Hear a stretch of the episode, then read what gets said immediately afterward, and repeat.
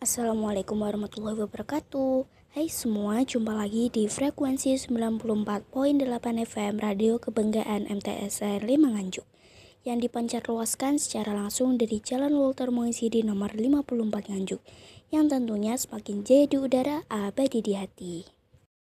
Hai hai hai, balik lagi bersama saya si Bonar, si bocah bersinar yang bakal nemenin kalian semua dengan bercerita yang seru-seru yang tentunya membuat kalian terhibur dan semangat menjalani aktivitas. So tetap stay tune ya guys. Oke, gimana nih kabar kalian semua? Sehat kan? Alhamdulillah. Dan sekarang yang lagi sakit semoga cepat diberikan kesembuhan. Amin. Amin amin ya rabbal alamin. Di pertemuan kita kali ini, Bonar mau berbagi cerita nih sama teman-teman, yaitu tentang legenda dan mitos pantai Parantritis yang penuh misteri. Wah, judulnya bikin merinding ya guys. Banyak anggapan kalau Kanjeng Ratu Kidul dan Nyi Roro Kidul adalah sosok yang sama. Padahal menurut legenda kejawen, Kanjeng Ratu Kidul dan Nyi Roro Kidul adalah orang yang berbeda. Menurut legenda, Kanjeng Ratu Kidul mempunyai kuasa atas ombak di Samudra Hindia dengan istana yang terletak di jantung samudera. Di mitologi Jawa, Kanjeng Ratu Kidul adalah ciptaan Dewa Kapintelu dan mengisi kehidupan sebagai Dewi Sri atau Dewi Padi. Lanjut, berbagai kisah dan kabar beredar kalau Kanjeng Ratu Kidul adalah pasangan spiritual dari para raja-raja di kerajaan Mataram dan Yogyakarta. Wujud dari Kanjeng Ratu Kidul pun berbeda mengikuti waktu.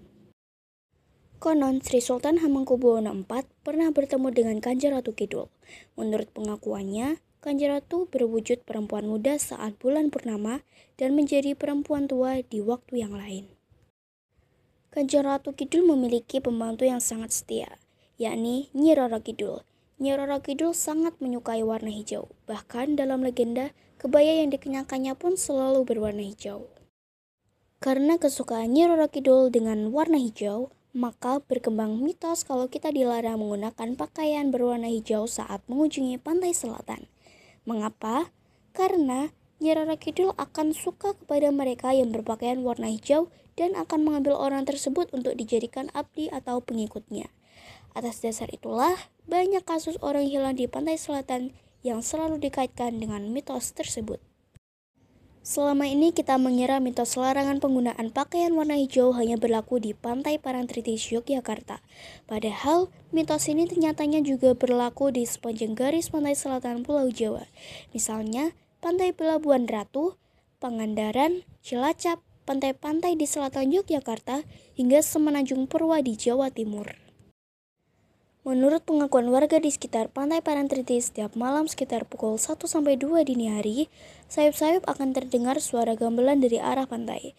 Padahal pantai sedang sepi.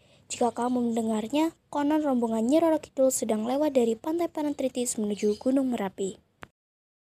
Entah hal ini betul atau tidak, yang jelas banyak saksi sudah mendengar sendiri suara gamelan di tengah malam.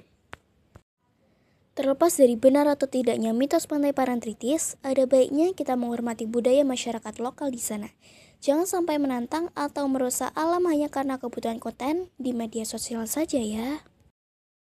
Ya, benar rasa ini waktunya untuk benar undur suara. Terima kasih untuk kalian semua dan mohon maaf bila ada salah kata yang disengaja maupun tidak.